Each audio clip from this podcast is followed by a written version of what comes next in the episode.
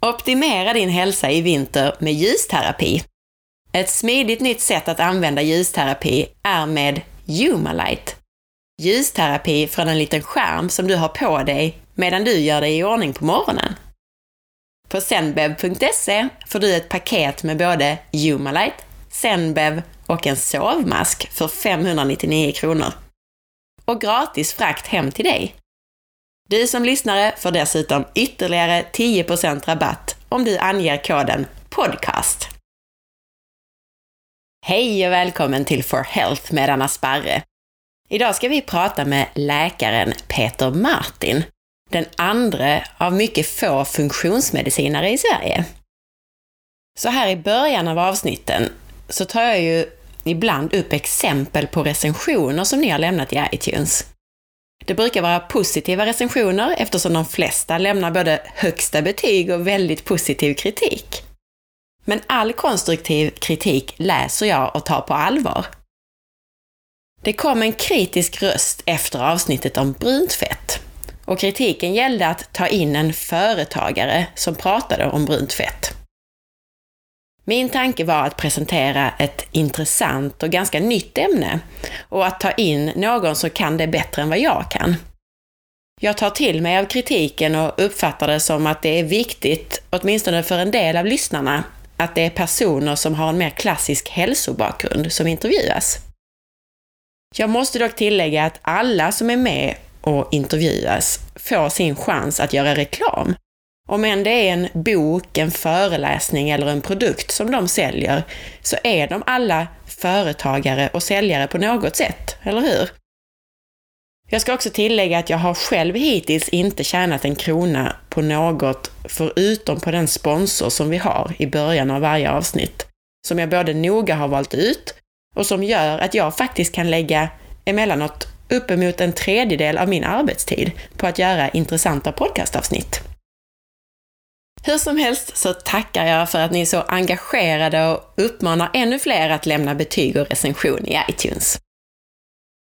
Om du gillar den här intervjun så blir jag jätteglad om du vill dela med dig av den på Facebook, Instagram eller till en vän.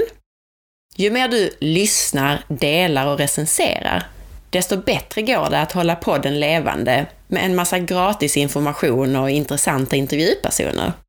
Stort tack på förhand! Och ett extra stort tack till alla er som redan gjort det. Jag ser och jag märker det verkligen. Glöm inte heller att boka mig som föreläsare till ditt event eller företag. Och om du är nyfiken efter det här avsnittet så hittar du mer information på forhealth.se. Dagens intervju blir alltså med en svensk läkare som är en av få funktionsmedicinskt utbildade läkare i Sverige han har också en bakgrund som traditionell läkare. Peter Martin är läkare och doktor i farmakologi.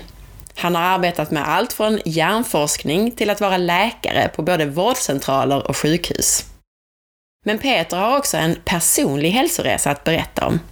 Han var mitt uppe i sin ST-utbildning i allmänmedicin när han gick in i väggen och blev sjukskriven för utmattningssyndrom.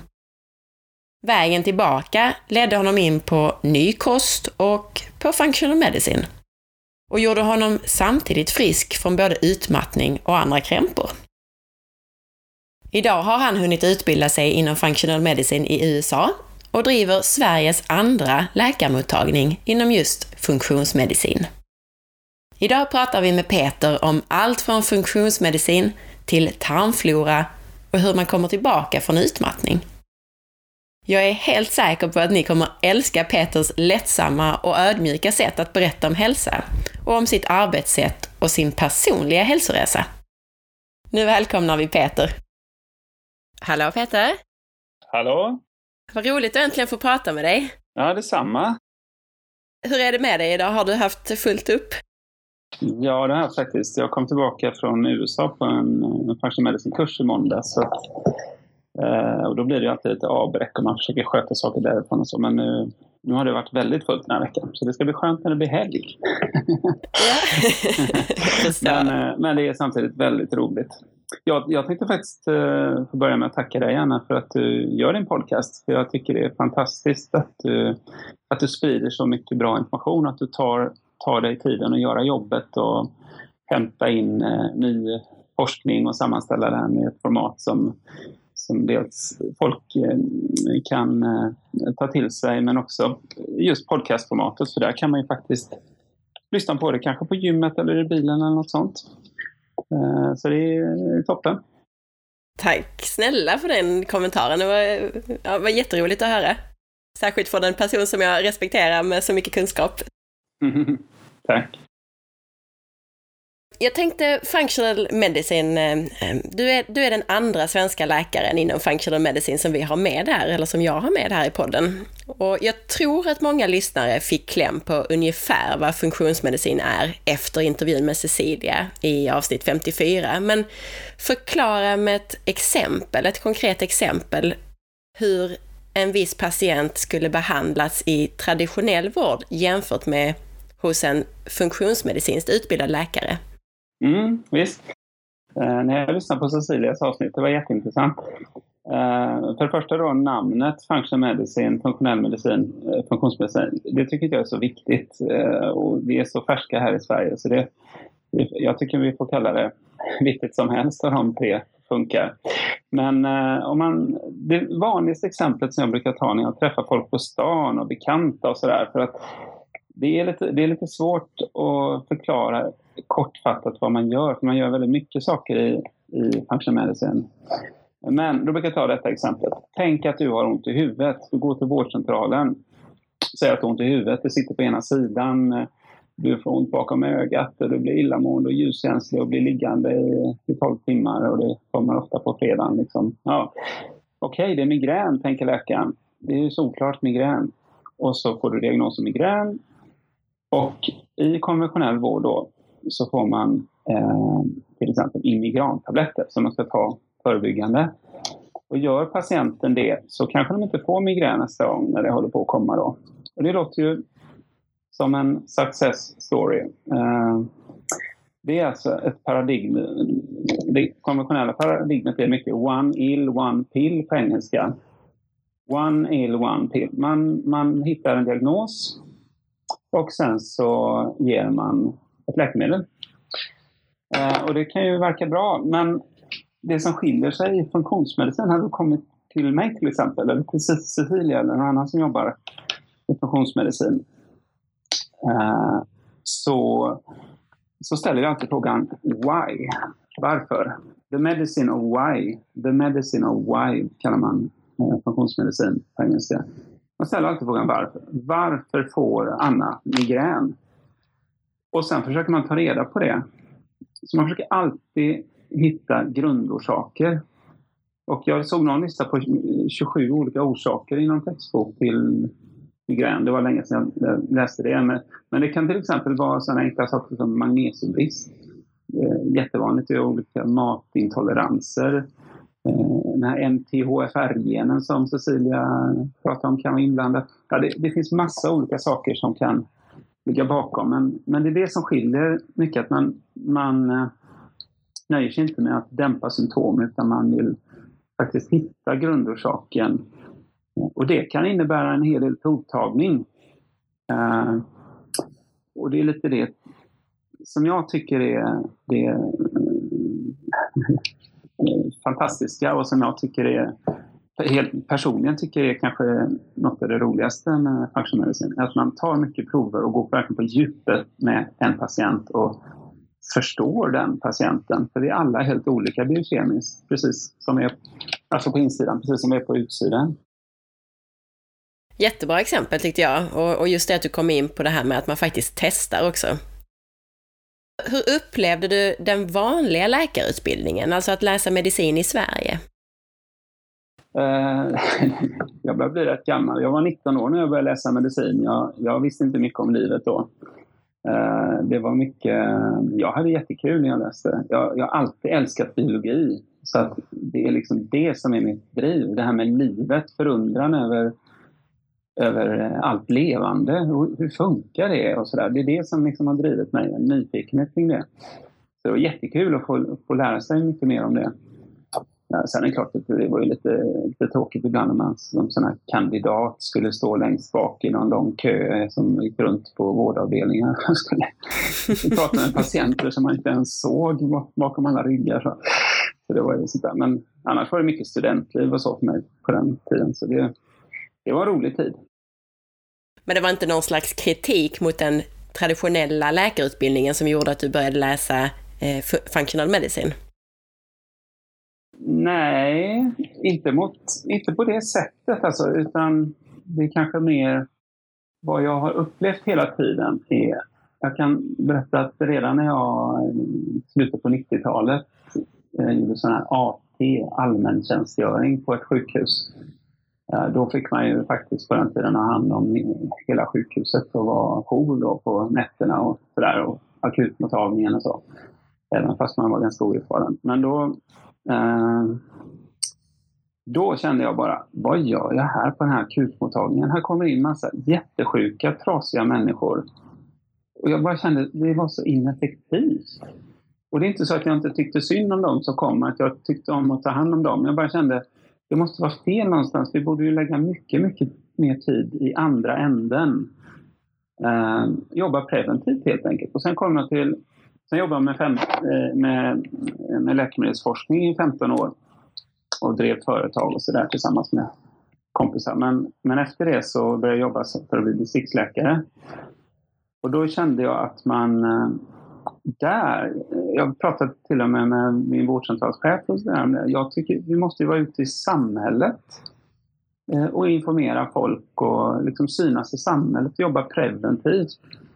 Jag, jag kände då jag har känt en stark frustration genom hela livet egentligen. Varför gör ingen någonting? men när du säger då preventivt förebyggande, är det, är det kosten du menar eller vad, vad menar du för saker då? Jag kan vara eh, ärlig och säga att eh, redan när, eller medan jag jobbade på vårdcentralen, då var jag mer involverad. Jag var faktiskt, skulle bli involverad i något projekt som hade med, mer med rörelse och du vet, man kunde skriva recept på, vad heter det nu, uh, alltså att man rör på sig på recept. Mm, kom, mm, motion, ja. Mm. Motion, ja, på recept. Eller fys. Ja, just det. Fysisk, fys hette det istället för fass. Så eh, det var fysisk, fysisk aktivitet på recept. Det höll, vi, höll man på med. Och det, det var jag inne på. Liksom. Men jag kunde ju ingenting om kost då. Eller liksom, jag trodde ju att jag kunde något, men det kunde jag ju inte. Eh, för jag har ju bara gått den traditionella utbildningen och jag har ju liksom växt upp på dels min mammas jättegoda mat men också mycket på eh, hönökaka och boj och mer smör och sånt. som jag faktiskt har, har eh, kanske inte gjort mig så gott. Men, men eh, så att för att verkligen förstå det här med kost så tror jag att det måste liksom ja, det tog ett tag för mig att göra det. Eh, och det var ju först när jag själv blev sjuk och började liksom tvingades intressera mig för detta och var desperat och provade då. I mitt fall att prova LCHF som jag har berättat om i andra intervjuer och så. Som mm. gjorde att jag själv förstod eh, styrkan i det med, med kost. Och, och, alla som jobbar med functional medicine är ju överens om att liksom, kosten är ju kanske 70% av eh, behandlingen. För att det finns ju siffror att vi stoppar i oss 30 ton eh, mat, 30 eh, ton mat under en livstid. Och det ska ju igenom det här eh, röret då, eh, som kallas tarmen. Och eh, den utsätts ju för enorm påfrestning, för det är ju liksom en yta av kanske en eller två tennisbanor och det är bara ett cellager som skiljer, skiljer eh, insidan av tarmen, som egentligen är utsidan av kroppen tekniskt sett, mot eh, vår blodbana. Så enormt eh, mycket som kan gå fel där. Och om vi då stressar den genom att äta saker som vi inte eh, ska, till exempel gå in i en pressbyrå allt för ofta. Jag vill inte hacka ner på pressbyrå, men jag tycker överhuvudtaget det som är mest lättillgängligt i samhället är ju faktiskt eh, allt som innehåller socker. Och jag tror att om eh, 20 år så kommer man titta tillbaka på vårt samhälle och bara skaka på huvudet och undra hur man kunde vara kollektivt sockermissbrukande en hel, inte bara en nation utan en hel eh, västerländsk kultur. Jag tänkte det du nämnde det här att du hade ju lärt dig andra saker inom din utbildning när det gällde kost. Hur, hur mycket läser man egentligen om kost och näringslära inom den traditionella läkarutbildningen? Mm. Uh, när jag började med LCHF där så, så, så, så, det som hände för mig var ju, om jag avviker bara lite grann, det var ju eh, fyra grejer. Jag, eh, min hjärna klarade upp. Jag är på arbetsträning. Jag kunde plötsligt börja mm, jobba igen eh, och eh, jobba hela dagar. Och jag tappade fem kilo i vikt runt midjan som jag trodde var så kallat, kallat gubbfett. Jag blev av med min ledvärk och jag blev av med min IBS-symptom på två veckor. Allt detta hände liksom, så att jag blev ju helt omskakad. Vad jag gjorde då var att jag kontaktade eh, några professorer på institutionen för eh, ja, nutrition, alltså näringslära. Klinisk näringslära heter det. På olika universitet. Så jag fick svar av två av dem. Och en av dem svarade att de läste 18 timmar nutrition. Jag kollade på det mejlet för ett par veckor sedan. Här. Eh, det här var ett och ett halvt år sedan, två år sedan någonting. Eh, ja, de läste 18 timmar nutrition och varav ämnet vitaminer och mineraler var två timmar. Och jag tror att den, andra svarade att de hade upp mot sex dagar eh, totalt. Men att de var nog de som läste mest, trodde han. Han tyckte att det var väl tilltaget i deras utbildning. och då, mm. då, kan jag bara väldigt snabbt flika in att bara magnesium, en, en av alla dessa mineraler och vitaminer, är ju liksom oerhört viktig i, i 300 olika enzymfunktioner i kroppen minst. Jag hörde någon siffra nu i USA att det var 800, men um, hur som helst, många. Och uh, i alla enzymer i princip som är med i energiproduktionen och i mitokondrier så här, kroppens energifabriker så är magnesium jätteviktigt. Mm. Mm. Ja, så, ja, så kan man dra slutsatser själv av det, de här timmarna. Och, så. Absolut, bara, bara att lära sig om magnesium skulle ta de där sex dagarna. Och eller hur? ja, ja, det hade varit något. Men i alla fall det du nämnde där, att, att, att kosten kanske står för 70 procent av hälsan och att, att man ska lära sig om 70 procent av hälsan på sex dagar, eh, max, eller 18 timmar då. Det låter ju eh, uppåt väggarna måste jag säga. Ja, det är det. Men det är också så att i Sverige har ju Livsmedelsverket styrt mycket över kosten. Och det som händer nu händer ju mycket på sociala medier och andra Och att det liksom kommer underifrån, att folk prövar olika saker. Och det är egentligen det som jag tycker är, är så viktigt att få folk att förstå att, att det är så olika, så vi ska inte äta likadant allihopa. Vi måste prova oss fram hur går det till egentligen för att bli functional medicine-läkare eller funktionsmedicinläkare? Måste man ha en vanlig läkarutbildning i grunden eller kan man bli funktionsmedicinare direkt? Mm. Det är en jättebra fråga. Och ja, eh, jag vet inte riktigt hur jag ska svara på den. För att i Sverige är det här med funktionsmedicin, i alla fall bland läkare, är det väldigt nytt. Det är ju det är bara fyra stycken som jag har träffat på de här kurserna. Och Eh, men om man ser det från USA-perspektiv, när man går på en sån här kurs då, det funkar så att det är ja, sju, åtta olika kurser man kan gå eh, innan man sen kan bli eh, certifierad som Cecilia till exempel har, har blivit om jag har förstått rätt. Och när man går en sån kurs, då träffar man folk från framförallt hela USA, det är 90 procent av dem, 80-90 procent, men sen också från hela världen. Men de som kommer från USA, de är inte bara läkare utan de kan vara DO, Doctor of Osteopathy. De kan vara eh, NP, Nurse Practitioners. Um, de kan vara dietitians, RD tror jag heter, Registered Dietitians, etc. etc. Det finns många olika professioner som, som kan jobba funktionsmedicinskt. För det är inte så att man måste vara läkare. Det behövs liksom många olika sorters eh, inriktningar och eh, det, är mer arbetssättet man jobbar på. Just att man letar efter grundorsaker. Man kanske jobbar en del med kost och eh, kosttillskott. Sen kan man göra det på, på hundra olika sätt. Liksom. Och jag gör det på ett sätt och Cecilia gör det säkert på ett annat sätt. Och vi måste göra det på olika sätt, vi som jobbar med det. För att man måste utgå från sin egen personlighet och sin egen kunskapsbas. Uh, om man ska säga i Sverige, eh, eller, eller det, det, jag gjorde var att jag, jag hittade ju Institute for Functional Medicine via en, eh, en, en naprapat som har gått som, som jag brukar åka på de här årliga konferenserna som Institute for Functional Medicine, så funktionsmedicinska institutet i USA då har varje år. Så jag pratade lite med honom och förstod att ja, det verkar ju som att de tänker vetenskapligt. Liksom, för det är ändå en grund för mig. Jag har hållit på med läkemedelsforskning i 15 år.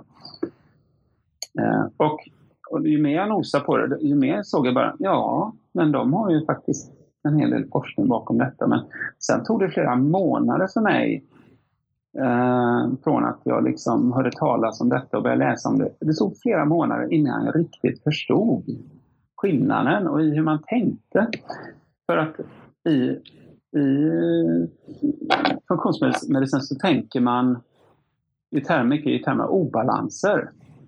Och första gången, jag minns redan, när jag hörde det, första ordet, gången jag hörde ordet obalans, då tänkte jag bara, det där var flummigt.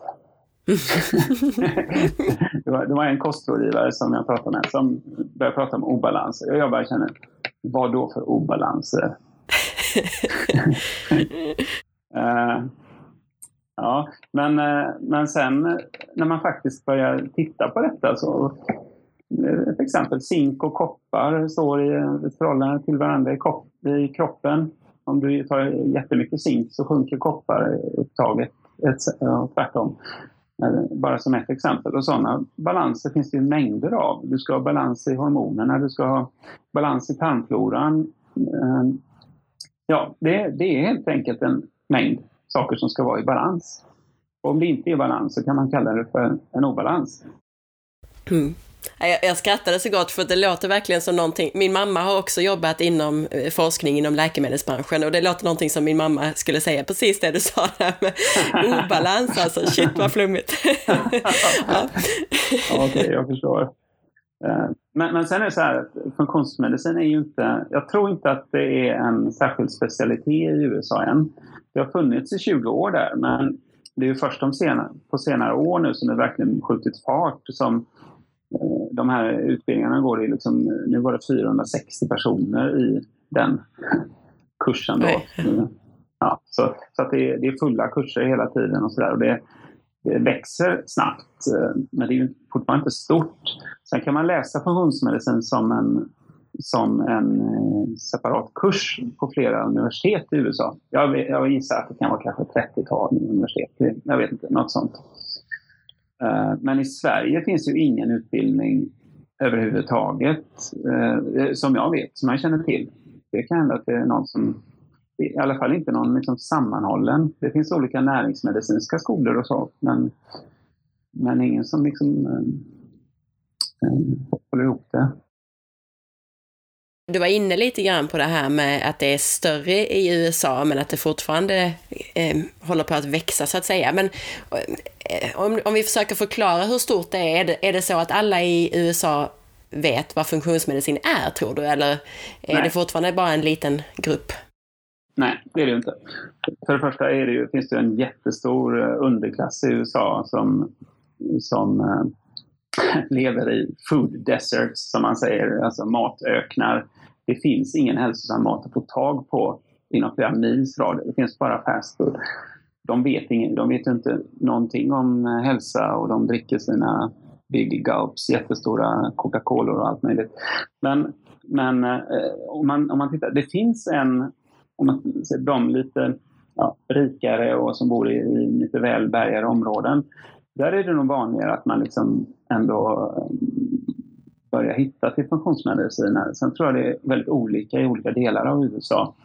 Jag kan inte riktigt geografin, men till exempel Kalifornien är det fler. runt eh, Austin i Texas är det fler. I Florida finns det en del funktionsmediciner. För där finns många rika pensionärer som, som vill ha bra vård. Och, så. Och det finns väl en del på östkusten också. Eh. Förklara för lyssnarna, är det, är det dyrare att gå till en läkare i functional medicine? Ja, det är, det är en jätteviktig fråga. För att eh, Eh, det är det ju. För det första lever vi, vi lever i ett system där man eh, är van att man betalar 100 kronor eller 300 kronor och så går man till doktorn och så blir man hjälpt. Och så betalar man kanske för medicinen sen också med högkostnadsskydd och så.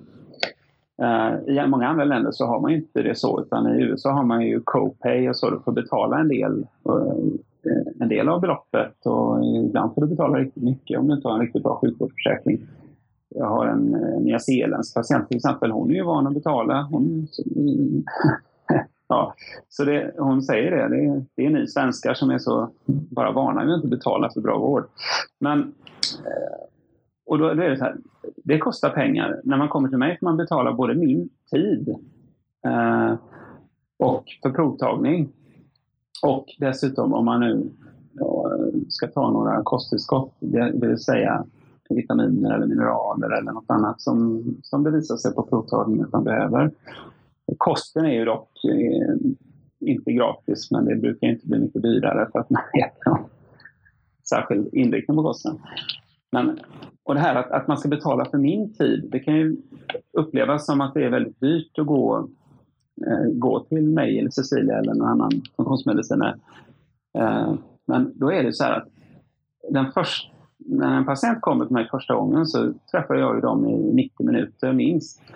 Och det tar mig ofta mellan tre och en halv och fyra timmar det första besöket. För att det är förberedelser. Det är väldigt mycket information att hålla ordning på efteråt. Uh, och det ska skrivas journaler och, och göras planer och sådär. Och, och, och forskas hit och dit. Så det tar ju enormt mycket tid. Och dessutom har jag ju då av egna pengar åkt till USA ett antal gånger och utbildat mig. Och, och plus alla andra som driver företag vet ju allt vad som ingår i, kommer med det då, alla utgifter som man inte kan förstå innan man själv har startat ett företag. Uh, nej, så det, det, kostar helt enkelt pengar att, att, gå till en läkare som jobbar med detta. Uh, och sen, uh, sen, det här testerna blir också dyra för att ett avföringsprov kan kosta 4-5 tusen kronor till exempel. Om man i USA då till exempel, där man inte har samma bidragssystem, alltså vi har, har inte offentlig vård på samma sätt som man har i Sverige, är det fortfarande stor skillnad mellan att gå till en konventionell läkare och en functional medicine-läkare i USA? I pris menar jag. I pris? Eh, ja, det tror jag. För att jag menar den konventionella vården i USA det är mycket uppbyggd på sådana här 10 minuters konsultationer och korta konsultationer. De, de träffar ju jättemånga patienter på en dag. Och det gör ju att man kan eh, också tjäna mycket pengar. Så jag träffar ju hela tiden doktorer då på de här kurserna som, eh, som är eh, avundsjuka på mig som har kunnat starta igång min verksamhet de uttrycker verkligen att wow, får jobba bara med detta. Eh, för att de kanske är i det gamla systemet och de eh, har... För att få ekonomin att gå ihop måste man ju först liksom se till att man har underlag för det och att man har en buffert. Eh, jag menar, jag har levt på min fru, frus lön ett tag liksom för att dra igång detta, men det kanske inte alla kan göra. Och, nej, så att det är inte så lätt att liksom bryta sig ur ett befintligt system. Och I USA pratar man mycket om det bland läkarna. Hur, hur gör man liksom? Och, men eh, Ja, så att det, det, blir dyrare. Jag tyckte det var bra förklarat, alltså för du förklarade ändå vad tiden går åt till, vad pengarna läggs på och så vidare. Så det tycker jag att eh, du gav ett väldigt bra svar på. Och du kom in också lite här nu då på vad som händer när det kommer en patient till dig. Att du har massor med information att gå igenom innan, därför att du ställer frågor före besöket och, och du testar och så vidare. Men förklara detta lite mer, alltså när då väl patienten kommer till dig, vad är det du testar först till exempel? Mm. Uh, jag kan ju berätta hur hela processen går till. För det, mm, för det är det som uh, skiljer sig rätt mycket från en vårdcentral ändå tycker jag. Men, eh, och detta är hur jag gör. Jag har inte haft någon att fråga om hur man gör detta eftersom vi, vi har liksom inga role models. Utan vi måste ju eh, skapa detta själva. Man kan ju, jag har i alla fall inte så mycket kollegor i USA som jag liksom har kunnat fråga. Alla har så mycket för sig så man, man får hitta på själv. Uh, ja, men uh, min mottagning öppnade ju i år så att jag har inte hållit på så länge heller. Jag, jag håller fortfarande på att utveckla detta. Om du frågar mig om tre månader kanske jag jobbar lite annorlunda. Eh, men så här gör jag nu. Jag har kommit fram till att det här passar mig. Eh, för det första så om någon bokar tid online då, kan man göra på min hemsida. Eh, då får man ett e-mail och så bokningsbekräftelse. Där finns då tre länkar och i de länkarna så finns det 300 frågor. Det är jättemånga frågor om allt möjligt. Och då klickar man i det där och skriver och beskriver vad man har, eh, vad man har för eh, sjukdomar, vad man äter för mediciner, hur man sover, vad man, eh, vad man äter för kost eh, hur du rör dig, vilken träningsform du använder, eh, vad dina föräldrar hade för sjukdomar. Ja, det, det, jag tror Cecilia pratade också om detta när hon pratade om sin mottagning. Eh, men det, detta är något av det bästa av allt, det jag gillar mest. Så för mig är det så här att, som i morse då hade jag en ny patient här. Då hade jag skrivit ut 10 A4-sidor igår eftermiddag när jag gick hem. Och så på tåget hit, för mig det tar 20 minuter, då läste jag igenom detta.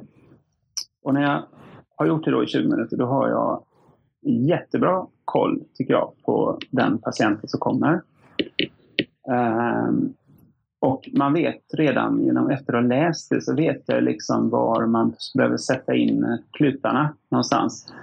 Till exempel om någon skriver att de sover perfekt, ja, då behöver man inte ens nämna ordet sömn under den begränsade tid man har.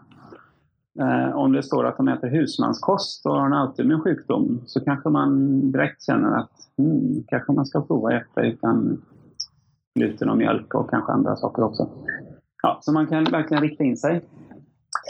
Eh, det är, och jag älskar eh, det systemet, att ha mycket information strukturerat innan man börjar. Eh, sen när vi, patienten kom hit i morse och satte vi oss ner och då gör jag en timeline som man får lära sig på de här utbildningarna. Man helt enkelt går igenom patientens liv från start till mål. Och då får man ju begränsa sig liksom för att det är ju lätt att man kan prata i två timmar, det har man inte tid med. Men, men där dyker det ofta upp jätteintressanta saker som påverkar hälsan och man kan få en förståelse för att Ja, det kanske var någon som inte blev ammad som barn och som hade kolik jättemycket. Då förstår man att antagligen var ju tarmfloran rubbad redan då. Eh, och så kanske de har fått eh, 20 antibiotikakurer, varav vissa bredspektrum mot eh, olika infektioner. Då. Ja. Och så ser man då hur, hur det livet har sett ut. Det är mycket information. Efter det, om patienten är kvar, vilket den brukar vara, så, eh, så är det klinisk undersökning. Och då är det, eh, då brukar jag eh, säga till patienten att det är trosor och BH som gäller, om, om det är okej okay med, med dem då. Om det är någon som inte är bekväm med det så får man ju ändra på det. Men annars är det, jag är intresserad av att se hud liksom, och verkligen undersöka noggrant. Och, så det är en vanlig läkarundersökning. Och så är det också med fokus på nutrition, så man tittar på, på eh, hud, tunga, naglar eh, och så vidare. Hår och så. Och där kan det ibland visa sig saker. Vad är det för saker som, som visar sig där? Är det, är det just brister som du, som du ser på hud och hår och så, eller är det något annat? Det är många olika saker man kan se, men äh, man äh, kan till exempel, äh, jag får ta något kort exempel bara. Om du har vita prickar på naglarna, vita runda, kanske millimeter eller två millimeter stora prickar på naglarna, så kan det vara zinkbrist som man har. Och det där är inte någon liksom, eh, laserskarp forskning att åh, du har zinkbrist. Utan det är mer att man lägger pussel i functional medicine. det är, det är ett pussel, det är som ett ny, nyårspussel kan man säga, som man brukar lägga vid nyår. Tusen bitar. Och så gäller det att skaffa sig så många bitar som möjligt. För att förstå just den individen. Och eh, den här undersökningen är jätteviktig. Om man, om man då ser till exempel vita prickar på naglarna och sen så kan man göra en zinktest, att patienten får dricka en zinklösning, eller inte dricka, men smaka på den. 10 sekunder. Det har du säkert gjort, Anna? Nej, jag har faktiskt inte gjort det, så du får gärna berätta. Nej, ja, Okej, okay. nej. Eh, det låter faktiskt de flesta patienterna göra. Det, det finns en del forskning bakom det, men min erfarenhet är så här att eh, jag är i grunden skeptisk till saker och ting som sånt här. Då, men, men det är ändå att om man, om man bara kände vattensmak när man smakar på den här zinklösningen, då är, betyder det faktiskt att man har en zinkbrist. Det verkar stämma ganska bra. Eh, eh, och då, eh, det är inte alla som har, zink, in, som har vattensmak i zinktestet som har vita prickar på naglarna och tvärtom. Så det är liksom inte sådär enkla förhållanden ett till ett. Så. Men det är två pusselbitar som kan peka i samma riktning. Eh, och zink är ju, om vi avviker mot zink, så är det liksom, det är sinnenas mineral. Det är jätteviktigt för lukt och smak och så. så jag, jag hade en patient med, med zinkbrist som sa att hon kände inte skillnad när hon gick in i, i köket eller om hon gick in i ett stall. Oj! Eh, det var ju lite tråkigt. Då var det zinkbrist sa du, eller? I det fallet? Eh, ja, ska, ska jag vara ärlig så vet jag inte 100 procent. Men eh, hennes zinktest var i alla fall som jag beskrev och hon hade vita prickar på naglarna. Men sen har vi tagit prover som inte har kommit än, så vi får väl se. Så det blir nästa steg, när du har lagt lite pussel genom att titta och undersöka och, och lyssna på historien på patienten, så är nästa steg att testa de saker som du har upptäckt att du tror eh, gäller för den här personen. Mm. Eh, precis. Eh, men då kan man tänka så här att jag har, jag har säkert eh, hundra olika prover jag skulle kunna ta på folk. Men ändå så gör jag nästan samma på alla. Det låter ju, det låter nästan skämmigt, skämmigt att erkänna det. Men, men, det är men vilka att, är det då? Ja, ja vilka är det? Vilka är det? Nej, men man kan göra detta på olika sätt. Jag, jag kanske gör annorlunda om ett år, men just nu gör jag så här då att jag eh, jag tar en panel med lite över 40 blodprover och det kallar jag vårdcentralsprover. Eh, det är prover som man kan ta på en vårdcentral. Eh, eh, som patienterna då betalar för. Och det, eh, det kan kosta 1500 spänn eller något sånt där. Och varför gör det det? Jo, det är för att vi tar eh, tyreaprover på så gott som alla med tyreantikroppar och vi tar vitamin D och homocystein som har med B12 och folsyra att göra och ferritin som har med järnlagren att göra som kan gå upp i inflammation och så. Eh, alltså vi tar liksom, oj ursäkta, vi, vi tar eh, många prover. Och det är ju dels för att eh, som eh, Dr. Salt sa på den här eh, kursen i USA nu. Att han, alltså, First you do good medicine, then you do functional medicine. Du förstår. Först, man kan liksom inte hoppa över steget att, att utesluta att folk har Eh, farliga sjukdomar eller cancer eller, eller så. Det är inte det. va? Utan jag vill ju se att de har eh, fungerande njurar och lever och så som kommer hit. Eh, så gott jag kan. Jag kan inte utesluta allting, men jag vill ändå ha en bra grund. Sen är ju de, de flesta har ju varit runt i vården och gått i alla specialistkorridorer till sista dörren. Liksom. Så att de flesta är väldigt välutredda. Eh, och eh, många gånger fått bra hjälp av vården, men, men det är liksom ändå inte någon som har hållit ihop det hela och sett helhetsbilden. För det, Många har så många saker så det blir så komplext. Och det tar tid att hålla ihop det. Och sen, ja, men näst, nästa då efter de här vårdcentralsproverna, eh, det är avföringsprov. Det tar man i eh, tre dagar då helst, för att då ökar man chansen att hitta parasiter i avföringen. För de gömmer sig gärna och det ökar, då får man 95 chans om man tar det i tre dagar. Då. Men jag sa att ett avföringsprov kanske kostar 4-5 000 kronor, så det är inte bara parasiter då, utan det är ju något som kallas för CDSA på engelska. Comprehensive Digestive Stool Analysis. Och sen övergripande analys av avföringen som siktar in sig på matspjälkning och eh, eh, många andra saker. i. Så man, man tittar efter till exempel att man har eh, pankreaselastas. Pankreas är bukspottkörteln. Elastas är en markör, något som kommer ut samtidigt som enzymerna kommer ut i bukspottkörteln som ju tömmer sig i tolvfingertarmen då när man har ätit för att bryta ner protein, fett och kolhydrater. Eh, och eh, det är ju jätteviktigt. Om man har låga värden på pankreaselastas, eh, det vill säga låga värden på bukspottkörtelenzym, då kommer man inte kunna bryta ner maten ordentligt. Nej, och då tar man inte heller upp näringen från maten? Nej, då tar man inte upp näringen ur maten. Och då blir maten, eh, fortsätter den ner, icke nedbruten och då kan istället andra elaka rackare, bakterier och andra, käka upp den och skapa oreda. Sen mäter man inflammation eh, med olika ämnen. Vi behöver inte gå in på detaljerna men man vill utesluta att någon har en inflammatorisk tarmsjukdom, till exempel ulcerös kolit eller Crohns sjukdom. Eh, sen tittar man att man kan eh, bryta ner fett och, fett och protein och så. Eh, man tittar på på mikrobiomet, det här fantastiska organet av ett och ett halvt kilo bakterier som, som bor i vårt mag-tarmsystem. Som du har pratat om en hel del eh, på några av dina podcast som jag har lyssnat på. Det kan man prata om hur mycket som helst, så du får gärna fortsätta.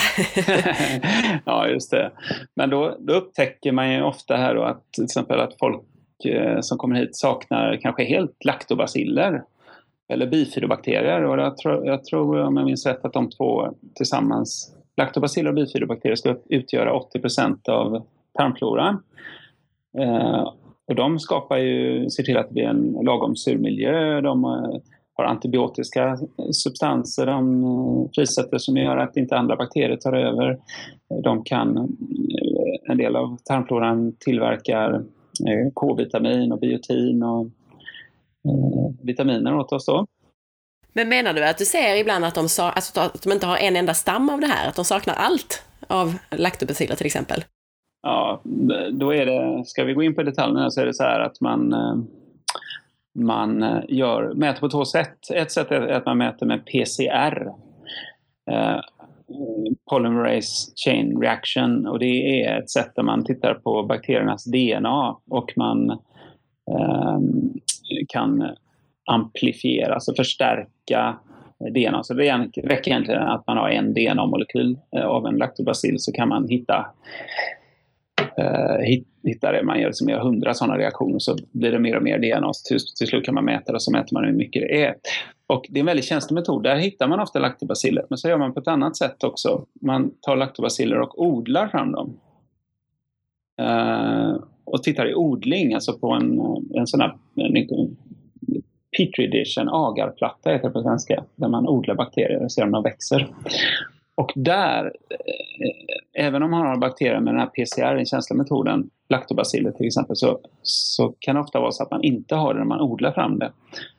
Och jag tror att det kan vara helt enkelt så att eh, den PCR-metoden är så jättekänslig. Men att, att du faktiskt har för lite laktobaciller om man inte kan odla fram det. Mm. Och då kan man ju behöva ta probiotika till exempel för att väga upp det. Nu kanske jag spårar iväg lite, men, men är det effektivt i, i din erfarenhet att ta probiotika? Alltså, eh, må, många säger att det räcker inte att ta probiotika, eh, utan, utan det hjälper bara tillfälligt. Vad är din erfarenhet av det? Mm. Eh, då ska jag säga så här att jag jag tror att jag har jobbat lite för kort tid för att se... Eh, dels har jag jobbat för kort tid och sen har jag ännu inte använt jättedoser av probiotika. Eh, så att jag, har en, jag har en bit kvar där, både att, att lära mig och, och att, eh, eh Och ett problem där är att i Sverige så har vi inte, så vitt jag vet, eh, så många probiotiska preparat att välja på som de till exempel har i USA. Där har de preparat som innehåller flera hundra miljarder CFU som det heter då, Colony Forming Units. Eh, jag kan hända att jag har fel, det kanske finns massor jag inte, inte känner till här men, eh, men eh, många som vi jobbar med här kanske har 25 miljarder och sådär och då får man ge ett antal av dem. Och ett, ett problem med probiotika är helt enkelt att det är dyrt. Så patienterna har kommit hit, de har betalat för, för provtagningar, de har betalat för eh, kosttillskott och, och sådär och kommit igång med sin behandling och ser förbättringar och så säger man Ja, nu borde du äta åtta stycken av den här tabletten om dagen eller kapseln om dagen med probiotika. Och som är, det är dyrt, för probiotika, det säger sig självt, det, det är dyrt att göra läkemedelspreparat typ, eller kosttillskott av levande bakterier. Eh, så att det, det, jag tror att det är därför som jag inte riktigt kan svara så bra på din fråga för att eh, det är ett av mina sådana här områden som jag vill hitta lösningar på. Jag vill kunna ge högre doser av probiotika utan att det kostar så mycket. Eh, men jag ger probiotika, det är klart jag gör. Men jag kan inte liksom säga att åh, vilken jätteeffekt det hade. Nej, det ska bli jätteintressant att se, för jag tänker att är det någonstans det funkar så är det ju hos dig där man samtidigt lägger om kosten. För jag tänker att om man bara börjar äta probiotika men inte gör någon kostförändring, då ger man ju fortfarande ingenting för de här probiotiska bakterierna att överleva på, så att säga, i, i tarmen. Mm. Och då är det dömt att misslyckas. Så att det ska bli intressant att se vad din erfarenhet blir sen, om ett par år eller så. Ja. Eh, ja, och jag vill gärna lära mig om eh, var man hittar kostnadseffektiva riktigt bra probiotika. Men vi lever i en fantastisk tid nu när det forskas så mycket på mikrobiomet och eh, de närmsta tio åren kommer ju bli så spännande. Vi kanske får skräddarsydda probiotika om några år här. Man tar ett avföringsprov på Anna Sparre och så kollar man vad det är du skulle behöva mest och så, och så får du en kapslar som är gjorda bara för dig. Precis. Ja, det, ja, det kommer att bli helt fantastiskt. ja, jag tror att det var jag som tog ut dig på ett sidospår här. Du, du gick igenom alla de här sakerna i det här CDSA avföringsprovet som testades. Just det, och vi hann inte fram till att man tittar även efter eh, patogena, alltså sjukdomsframkallande bakterier och svampar och så som kan växa över. Eh, och eh, till exempel candida. Eh, candida har ju varit någonting som man har har pratat om i 20 år jättemycket, candida överväxt och så. Och det är absolut, det är ett reellt problem. Men eh, dels så tror jag att det, en del saker har beskyllts för att vara candida som inte har varit det, som har varit något annat. Eh, men, och sen när, när man tittar, men, om, man, om man tittar på, på andra sidan, åt andra sidan då, så kan man säga att i de här avföringsproven så är det svårt att odla fram candida. Eh, så det är faktiskt så att eh, att bara för att man får ett prov där man inte hittar candida till exempel, så finns den inte... Ja, den, candida finns i allas våra mag-tarmkanaler. Den ska finnas där, men inte i, i ett jättestort antal. Men som sagt, det är svårt att odla fram det, så det kan vara falskt negativt provet om man, om man eh, får ett svar att det inte finns candida. Men menar du att man traditionellt kanske då har sagt att det är candida så att säga, att det är andra obalanser i tarmfloran som man har kallat för candida? Eh, jag tror det. Jag tror att det kan ha varit andra eh, saker som eh, till exempel något som heter SIBO som vi kanske pratar om senare under podcasten. Mm. Sen, eh, sen tittar man efter parasiter i avföringen och då hittar man nu kan jag inte svenska siffror på det. Det är säkert någon gastroenterolog som lyssnar på detta som, som har det. Eh, men eh, i alla fall från kursen jag var på nu så i USA där så såg jag en siffra att blastocystis hominis, blastocystis hominis hade man hittat i 12 procent av eh, befolkningen i en större studie. Då. Så det är riktigt vanligt. Mm. En, den andra vanliga, och det stämmer min, min erfarenhet här, att den hittar man ganska van, vanligt. Andra vanliga är Dientamöba fragilis, heter den. Dientamoeba fragilis. Den finns också i några procent eh, i den amerikanska studien. Men, men om man hittar sådana här patogener, måste man behandla det då? Mm. Det är ju lite kontroversiellt. Om man, om man pratar med infektionsläkare eller vårdcentralsläkare och sådär, så tror jag faktiskt att du får olika svar på det. Eh, och pratar du med en functional medicine-läkare så tror jag ändå att de tycker att har patienten några symptom eh, och då tror jag inte bara att man menar gast gastrointestinala symptom, mag-tarmsymptom, så behandlar man bort det. Och och där är ju ett tillfälle där många functional medicine-läkare använder, använder antibiotika. Då. Till exempel flagil eller metronidazol. Mm. Det går också att behandla bort det med olika örtkombinationer och så. Det var en följdfråga jag hade om du någonsin använder traditionella läkemedel, men det gör du alltså eh, ibland, eller? Mm. Ibland behöver man använda antibiotika som är riktade då. Till exempel uh, det, det gör jag. Det är inte så ofta jag använder eh, receptblocket eller e-recept som det är nu. Det är inte så ofta, men det händer. Kost och så förstår jag att du använder tillskott hela tiden, men det finns ju antibiotiska örter till exempel, eh, som, som du nämnde här. Eh, använder du det oftare än, än läkemedel? Ja, inte just mot parasiter, men eh, det är också ett område som jag behöver lära mig mer om. Um, Eh, och det, det är mycket att det tar tid att lära sig allting. Det är, det är mycket man ska gräva sig in i och lära sig om. Så det, det här med örter mot... Uh, örter låter ju så flummigt, men det är inte så...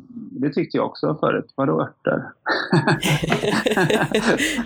men det finns ju massa forskning, forskning på det och det, det är ju dessutom helt logiskt att att växter skyddar sig mot, eh, Eh, mot bakterier och svampar och sådär.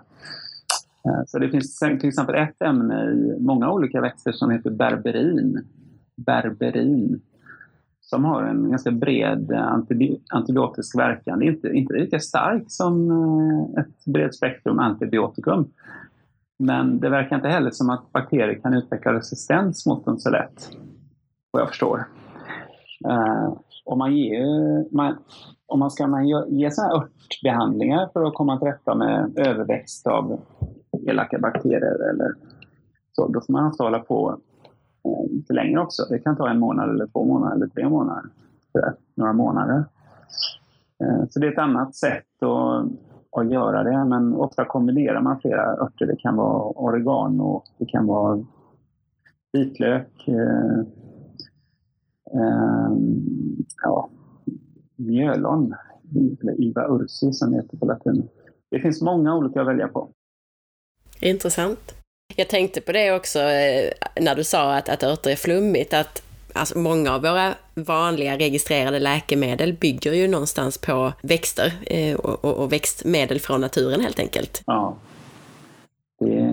Det, det är ju en av farhågorna när vi, när vi hugger ner regnskogen, att vi faktiskt är många arter som försvinner som vi aldrig ens fick undersöka om de kunde hjälpa oss eh, i form av läkemedel. Så det är helt rätt i. Avföringstestet där, var det mer i, i det som du, som du tittar på i själva CDSA-testet?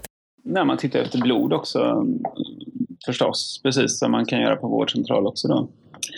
Ehm, och sen kan man lägga till olika saker som jag tycker vi har täckt in det ganska bra.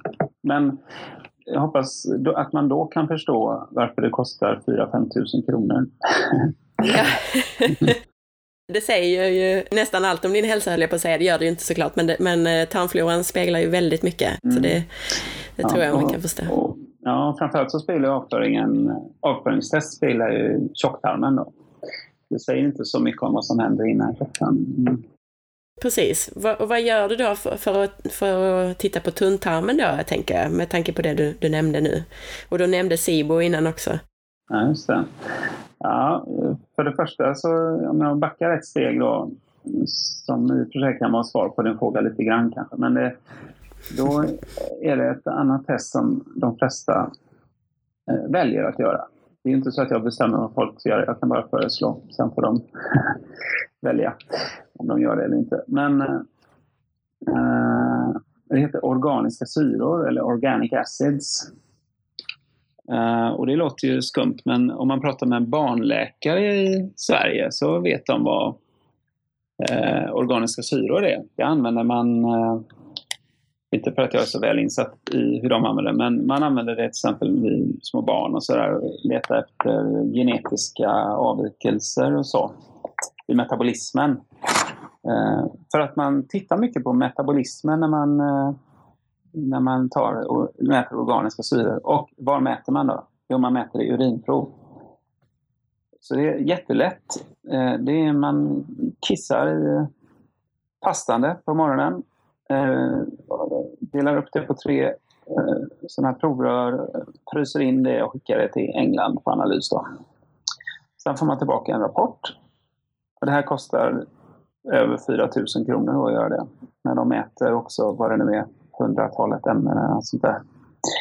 Eh, och den rapporten kan då säga någonting om ditt näringsstatus. Det vill säga om du har brist på B-vitaminer eller mineraler eller antioxidanter och så. Eh, och jag tror, jag tror inte den är liksom är hundraprocentig. Det finns ingen, ingen, inget av de här proverna som är hundraprocentiga. Men varje prov är en pusselbit. Man får tänka så. Nu lägger vi pussel. Man får inte lita till 100% på något prov, men man lägger pusslet och så om man ser bilden framträda då så har man nog antagligen rätt. Eh, men då är det så att om jag, jag har en sån rapport framför mig här, eh, eh, sån här organic acids. Och om det då står att du saknar vitamin B12 till exempel, då är det inte så att man har mätt vitamin B12 i ditt blod, utan man har, eller nej, i, i din urin som du har skickat dit då. Man har inte mätt B12 i urinen, utan man eh, tittar istället på ämnen i urinen som har kommit ut beroende på att de inte har brutits ner som de ska, för att du saknade B12. Så det är ett, ett eh, jag höll på att säga ett skolexempel på funktionsmedicin. Att man tittar på funktionen i kroppen. För jag har ju många som kommer hit som har helt normala vitamin B12-nivåer i blodet. Eh, när man mäter kobalamin då i blodet, B12. Men när man tittar på funktionstestet då i urinen så kan man ändå se att de, de hade behövt mycket mer B12 det finns mycket mer man kan säga om det, men, och vi ska inte säga allt nu. Men det jag vill säga är att man också kan eh, ett tiotal ämnen där som, som är markörer för malabsorption och dysbios. Det vill säga, eh, om du inte absorberar eh, protein så kommer det ner i eh, tjocktarmen och bryts ner till ämnen som sen kan komma ut i blodet, urinen. Då. Eller, eller så kan det vara så att det är bakterier som, som tillverkar olika syror, och olika organiska syror, som dina egna kroppsceller aldrig tillverkar. Och då kan det, de ämnena som bakterierna tillverkar komma ut i hög eh, mängd i blodet och sen i urinen. Och då kan man så indirekt få en, en inblick i om det finns bakterier eller, eller gästsvampar i i eh, någonstans i din kropp, men eh, troligen då i magtarmkanalen. Eh, så det är lite snitsigt. Det är ytterligare en pusselbit då, kan man säga. Men det, ja, så då har vi pratat om organiska syror. Mm. Och jag instämmer, jag tycker det är ett jätte, jättebra test. Eftersom jag jobbar med kost själv och, och just ämnesomsättning och så, så eh, har jag också använt det ett par gånger. Mm. Du gör den här skol skolmedicinpanelen eh, och du gör avföringsprovet och du gör organic acids-testet. Gör du ytterligare tester som är, som, som ett basutbud så att säga? Ja, jag, jag tycker att eh, om man gör de här tre grejerna, de här 40-talet blodproverna och eh, avföringsprov och det här urinprovet, då har man ju täckt in eh, väldigt mycket. Och det är ju aldrig så att någon har gjort de här testerna och så har allting kommit tillbaka helt normalt. Liksom. Utan eh, varje gång jag gör detta så får jag ju eh, en, eh, en vink om vad det är som är fel. Om jag inte ens till och med kan förstå precis vad som är fel ibland. Så det, jag tycker det är superbra. Sen har, vi, har, du redan kommit in lite grann på vad du kan göra beroende på, på resultatet här. Du kan arbeta med kosten, du kan arbeta med tillskott, du kan arbeta med riktad antibiotika och örter om du har patogener till exempel. Är det någonting annat utöver det? Alltså det är ju väldigt mycket bara det, men är det någonting som vi har missat där i, i hur du behandlar? Mm.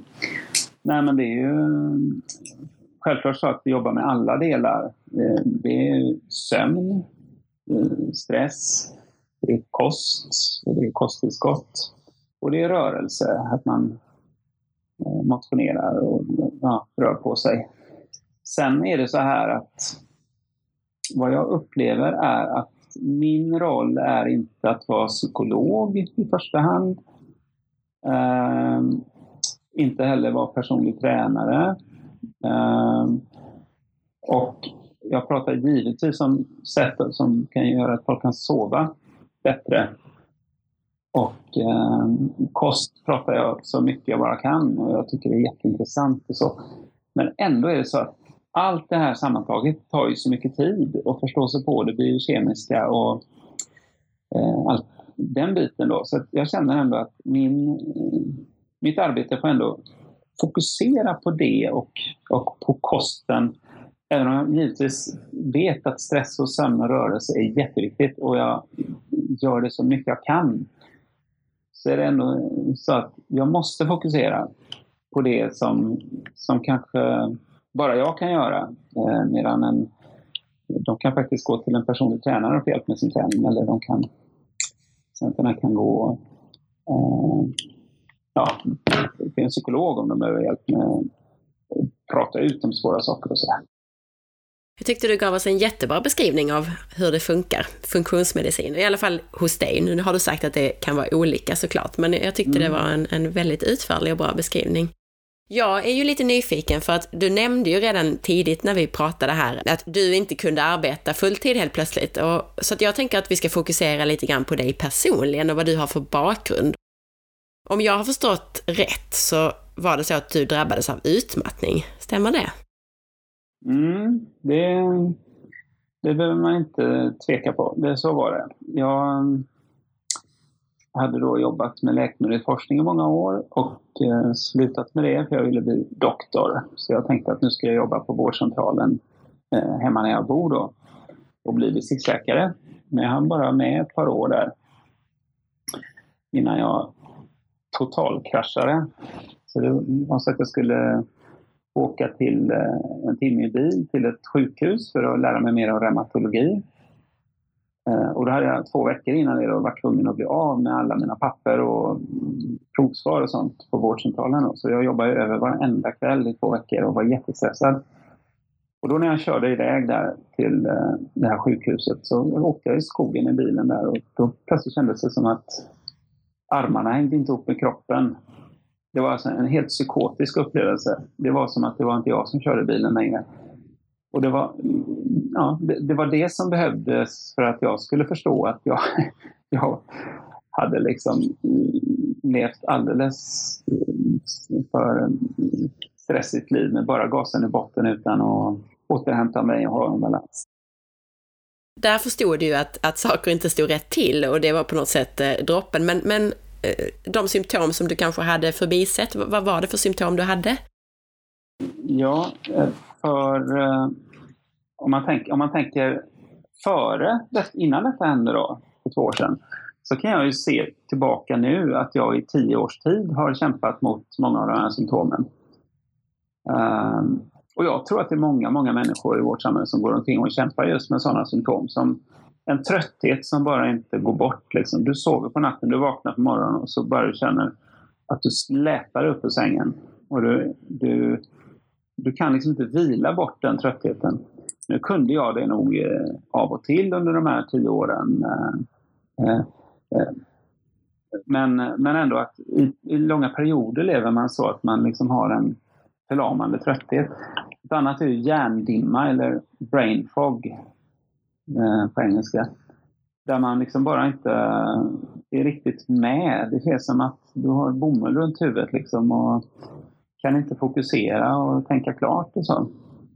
Det är också ett symptom som jag tror många dras med.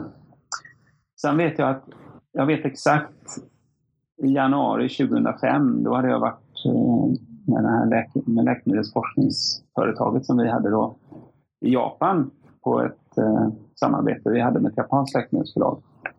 Och det hade varit förstås mycket stress att förbereda inför det mötet och sådär. Så kom jag tillbaka till Sverige och jag vet exakt var jag först fick den här tonen i mitt vänstra öra som sen blev tinnitus då. Så det, har man tinnitus har man ju förut alltid tänkt att det, ja, det är musik och det är höga ljud och så. Men alla som går omkring med tinnitus nu, de flesta har nog förstått att det har med stress att göra. Det har säkert med andra saker att göra också, men stress är en viktig faktor. Sen, det var ju massor med symptom. Listan kan bli lång som helst. Jag hade sömnproblem, jag vaknade tidigt på morgnarna ibland.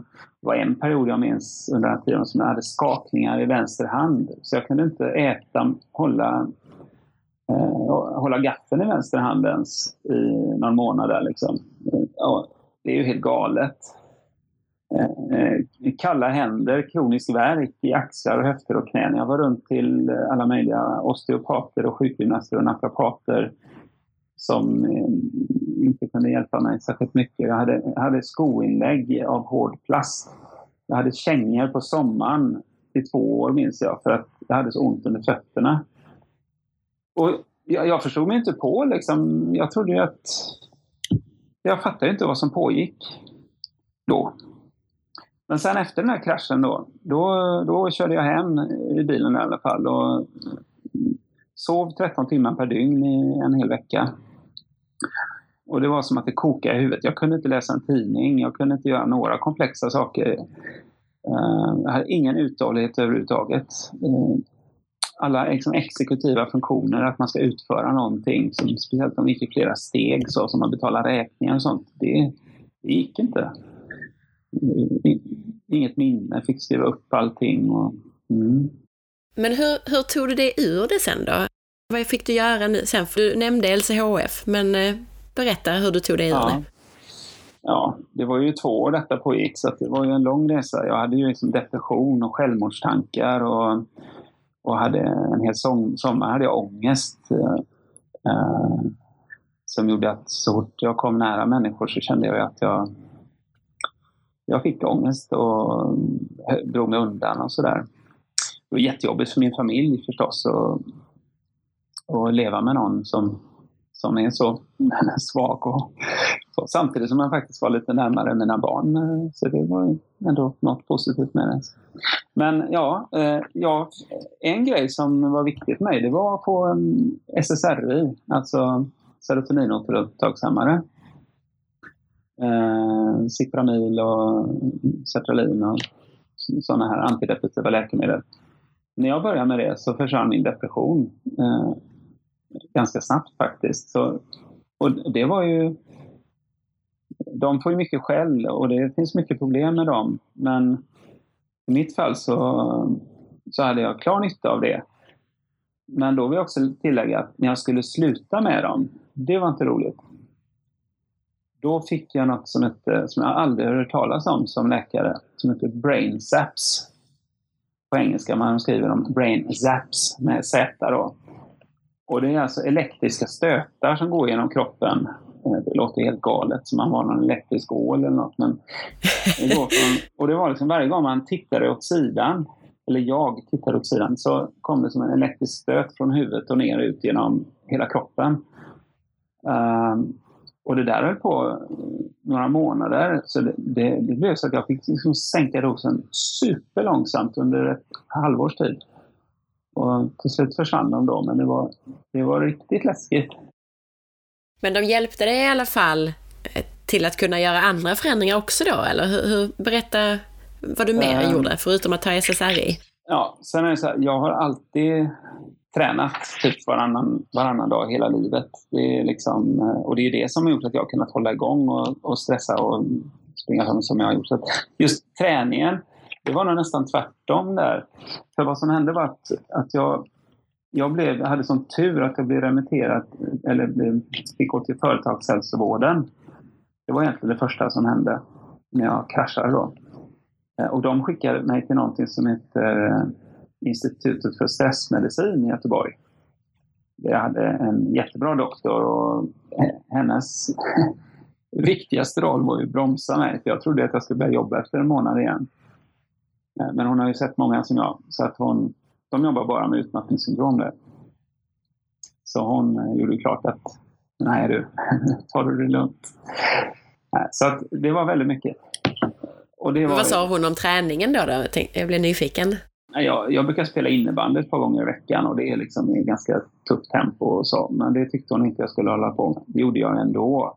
Men eh, hon är, för jag fick väl en kick, kick av det. Va? Men så här efteråt kan jag faktiskt se att hon hade rätt. För att jag återhämtade mig inte riktigt eh, från det. Jag var ju faktiskt lite utslagen efteråt. Och det, det kan jag säga till alla som lyssnar att om man tränar hyfsat hårt eller vad man än tränar och så återhämtar man sig inte efteråt, då gör man något fel. Då har man gått över sina gränser. Eh, så en viktig sak sen var, det var vila helt enkelt. Vila mer. Och inte bara göra saker. För det, andra saker som är viktiga. Jag gick till en psykolog. Eh, också en viktig process. Jag kan inte säga exakt vad det gjorde med mig men när man är igenom en sån här kris så är det jättebra att ha någon att prata med och man samlar sina tankar lite och går dit. Och jag har ju liksom ändå förändrats rätt mycket som människa och i, mitt tänkande. Och det tror jag psykologsamtalen var en viktig del i. En annan sak jag gjorde var att jag gick på en stresshanteringskurs. Där mediterade man, man gjorde andningsövningar. Och det var ju förstås jag och tio tjejer i rummet. det hårda killar går inte på stresshanteringskurser. uh, nej men det var jättebra. Mm, promenader tyckte ju min läkare på Institutet för stressmedicin att det var liksom grunden. Så jag gick åtminstone en 20 minuters promenad varje dag, oftast i skogen och där jag bor. Och, och det var en, liksom en rutin jag hade som jag också tror. Och så försökte jag komma ut i naturen och så. Det finns något som heter grön, grön rehab i alla fall i Göteborgsområdet. Har ni det i Skåne tror du? Eh, ja, det har vi faktiskt. Eh, jag vet inte om det heter exakt samma sak, men vi har mycket stresshantering i naturmiljö och i trädgård och så vidare. Mm. Mm, Okej. Okay. Eh, det, det gick jag inte eh, på, men eh, det var ju annat. Nej, jag gick inte på gröna. Jag körde min egen gröna rehab i naturen kan man säga. Sen är andra saker som är viktiga. Stöd från familjen och vänner och att man känner det. Det tror jag underlättar självklart läkandet. Och en, en annan sak som jag tycker är lite rolig att ta upp, som jag tycker man pratar lite för sällan om, det är personlighetstester. Eh, jag gjorde något som heter Myers-Briggs-test på nätet. Myers-Briggs, det var två kvinnor i Schweiz tror jag, en mamma och en dotter, som hittade på det för typ 60 år sedan. Det är baserat på Carl Jungs olika personlighetstyper. Då. Men det, då gör man ett test, man svarar på vad det nu var, 50 frågor. Det var gratis och så, fick jag, så finns det 16 olika personlighetstyper. Ehm, och nu får jag hålla mig kort för det här tycker jag är spännande.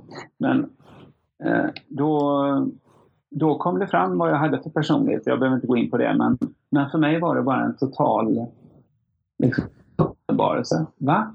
de har skrivit om mig här och jag hade inte förstått det. Så det stod att har oftast en omogen personlighet långt upp i 40-årsåldern. Eh, passar inte för något vanligt förekommande jobb på arbetsmarknaden.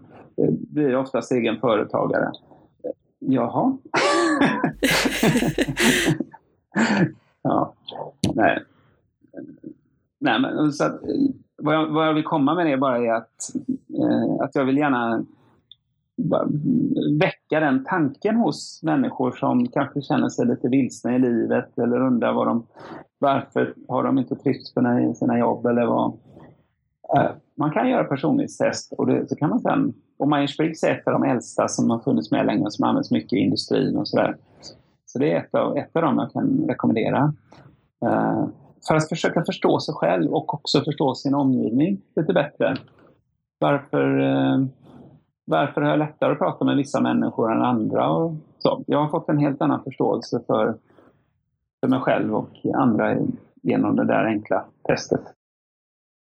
Och att du då kanske eh, går med din personlighet istället för att gå mot den, eh, kanske minska på stressen och, och så. Är det det du ja, menar också?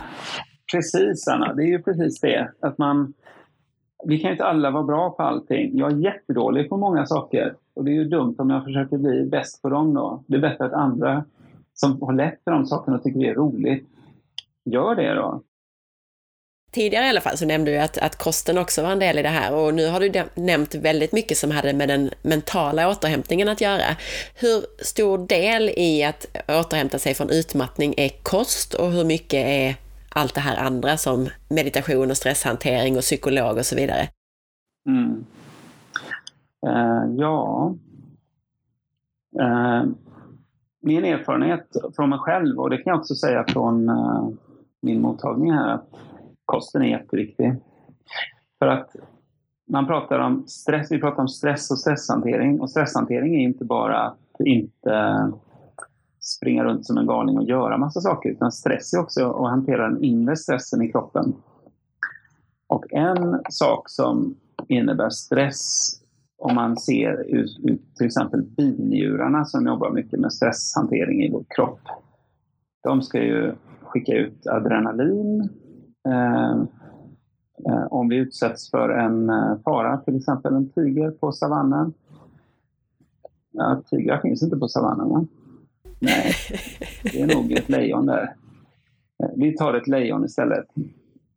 Eh, och eh, då skickar binjurarna ut, de sitter ju som två små mössor ovanpå varje njure. En mössa ovanpå varje njure. En liten binjure, den ser liten och söt ut, men den ska göra, liksom hantera stressen då. Eh, och då skickar den ut adrenalin akut och sen skickar den också ut kortisol som är ett stresshormon som finns kvar i flera timmar efteråt då när man har behövt eh, stressa. Eh, och det är ju en sak de, gör, de skickar ut kortisol när, vi, när vi utsätter oss för stress i vårt moderna samhälle. Men också, det är det jag ska komma till, när vi har ett svängande blodsocker så jobbar binjurarna. För att när sockret går upp då frisätts insulin ifrån bukspottkörteln. Eh, för att vi har ju bara två teskedar socker i vårt, vår blodbana. Och det, det stämmer det med din uppfattning? Ja, vad är det? Fem, fem gram eller någonting? Ja. Det är, då är det väl en tesked, inte jag. ja, men det är, det är väldigt lite socker i, i blodbanan. Och den, för det är ju giftigt för kroppen. Man ser hur det går för diabetiker som har högre socker. De åldras förtid. Eh, nej, men, och då, då måste sockret ner. Men när insulinet trycker ner sockret då, genom att öppna upp portarna ut till kroppens celler, så sockret sjunker då känner ju hjärnan att nu tar mitt bränsle slut. Jag håller på att sjunka sockernivån här. Och vad gör man då? Jo, då skickar man ut eh, adrenalin och kortisol för att höja sockret. För då kan, kan hormonerna då hämta socker ur levern, till exempel glykogen som är lagrat som socker. Och varje gång det händer då att man vi äter en, eh, kanske en macka och ett glas juice och lite vaniljfil på morgonen. Och så, så blodsockret går upp och sen går det ner när insulinet gör sitt jobb. Och då eh, känner kroppen av att bränslet tar slut och, och då måste stresshormonerna höja blodsockret och så kanske vi käkar lite fika och då ökar sockret och så sjunker det igen innan lunch och då måste stresshormonerna jobba. Och så går det så hela dagen då. Och, och, och, håller man på mycket så, så då får man ha väldigt starka uthålliga binjurar om de ska orka med det. Om man samtidigt springer runt och eh, stressar och kanske rattar en familj och allt vad man håller på med. Uh, ja, det kanske blir lite omständig förklaring, men jag hoppas att, att vi gick hem poängen. Det, det, tror jag absolut att kosten har en väldigt stor betydelse i det här tillsammans med de andra bitarna som du, det mer mentala så att säga, som du beskrev. Det tyckte jag var jättebra. Men hur, hur lång tid tar det att ta sig tillbaka från en utmattning då? Alltså, är du helt återställd tycker du och, och hur lång tid har det tagit? Mm. Um, ja, jag kan inte påstå att jag är helt återställd. Men det beror på vad man jämför med. Jag kan säga att jag är i bättre form nu än vad, än vad jag var innan jag kraschade och blev sjukskriven. Så är det mm. Jag är mycket mer motståndskraftig och jag har mycket mer, lyssnar mycket mer på min kropp. Och, och, så mycket är ju väldigt mycket bättre och jag kan säga bara för ett och ett halvt år sedan så eller ett år sedan kanske så hade jag ju rätt mycket problem också med energi och sådär i perioder när jag utsatte mig mycket för stress. Eh, nu, jag, kan, jag kan säga, om det är någon läkare som lyssnar på detta, så kan jag säga att om man är intresserad av eh, prestation och liksom att kunna verkligen göra mycket saker och leva sina drömmar och så. Eh, så jag vill gärna locka fler läkare att börja med, med functional medicine. Och det är ju en liten morot är ju faktiskt att, att man... Eh, det finns ju inga doktorer som är så bra på just att öka sin egen prestation som de som håller på med functional medicine. Säger inte jag att jag är en fena på det, men om man tittar på de som jobbar med det i USA så, så är de ju enormt produktiva, många av dem. Just för att de, de vet precis eh, hur, just, hur de ska leva för att eh, liksom vara på topp en stor del av tiden. Eh, ja, har du blivit mer stresskänslig? Alltså även om du nu lever bra och du klarar mycket, är du mer stresskänslig nu än vad du var några år innan du drabbades av utmattning? Jag skulle säga faktiskt att eh, på senare tid här så är jag mindre stresskänslig. Och det, och det är nästan, för mig är det nästan otäckt att eh, eh Eh, som till exempel när jag kom hem från USA, då liksom jobbade jag 13 timmar i sträck. Eh, och det hade jag inte kunnat göra på rätt många år innan nu. Och sen, sen vet jag ju att så kan man inte hålla på. Och det är det som gör mig lite rädd. Att, eh, att jag måste ju... Bara för att jag tål stress mycket bättre så får jag liksom inte gå och löpa hela linan, linan ut där. Utan jag får ju ändå hushålla med det och se till att, att bara för att jag inte måste så ska jag ändå meditera, promenera, träna och försöka äta bra och så. Mm. För man vill ju ha ett hållbart liv. Det ska liksom... Man, för en sak som händer, som händer väldigt tidigt, tror jag, när man stressar, det räcker ju att hålla på och stressa en vecka eller två, för mig i alla fall, så kan man tappa sin empati. Uh, och det är tyvärr många människor i yrkeslivet tror jag som är i det läget. Och då har man faktiskt tappat en viktig del, speciellt om man jobbar inom vården. Då har man tappat en väldigt viktig del av, eh, av en själv som man faktiskt behöver för att göra ett bra jobb och, och trivas med sig själv också och vara nöjd med sitt arbete. Jätteintressant. Jag skulle egentligen vilja prata med dig hela kvällen här och, och prata IBS och allt möjligt. Jag vill ändå, innan vi avslutar, Många av lyssnarna är väldigt intresserade av kost, så jag tänkte bara, är det några generella tips kring kost eller någonting som du själv gör med din kost som du vill tipsa lyssnarna om? Uh, ja, jag är ju lite försiktig med det för att jag, jag är rädd att, att uh, bara för att jag säger hur jag gör så tror många att ja, det är så man ska göra. Det är inte säkert att det är det. Men generellt sett med kost, så som jag ser på det, ur olika perspektiv. Eh, vi fokuserar mycket på mag-tarmkanalen inom functional medicine. Eh, så, så tror jag att de flesta av oss äter för mycket kolhydrater. Vi äter för mycket socker, men också för mycket kolhydrater. Och eh, lite för ofta egentligen.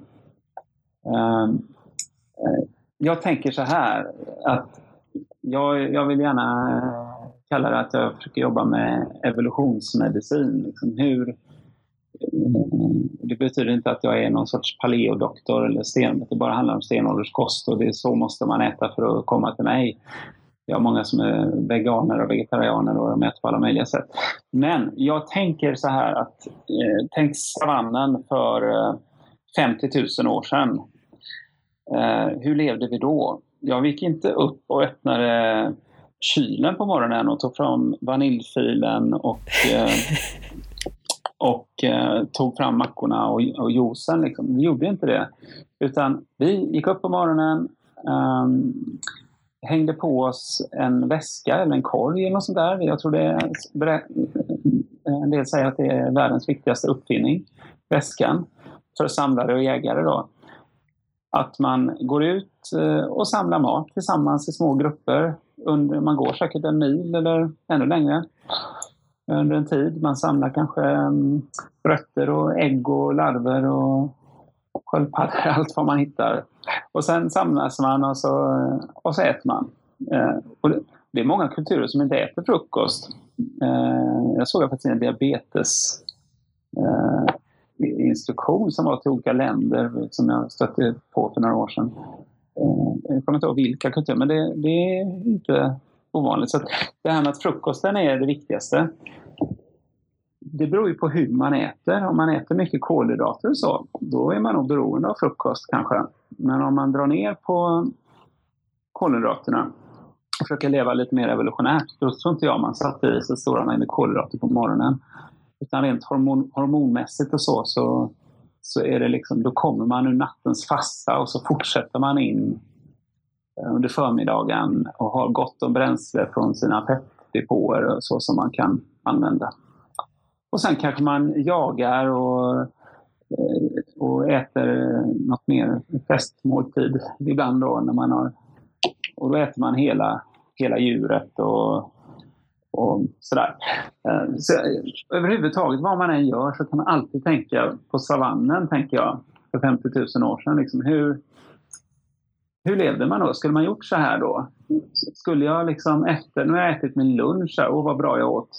Nu springer jag upp och springer jag till bussen och så åker till jobbet och så jobbar jag jätte... Nej, då hade man ju satt sig ner och smält maten först. Så jag brukar faktiskt göra så att jag om jag kan, om jag har några minuter över, om jag verkligen kan, så brukar jag prioritera att efter jag har ätit lunch gå och lägga mig på min egen brits. där jag har mina patientundersökningar. Ligga där i 5-10 minuter, bara slappna av så mycket jag kan. Och lyssna på min mage när den bryter ner maten till näring som kan tas upp. Vilket bra tips! Är det någonting särskilt som du tycker att vi glömmer att äta? Alltså om du bara skulle säga en eller två saker som vi borde äta mer av? Mm. Uh, nej, men jag, jag, tror, jag hör ju det ekar i huvudet ifrån de här eh, utbildningarna jag varit på. Då, liksom, det ekar av broccoli, broccoli, grönkål, grönkål.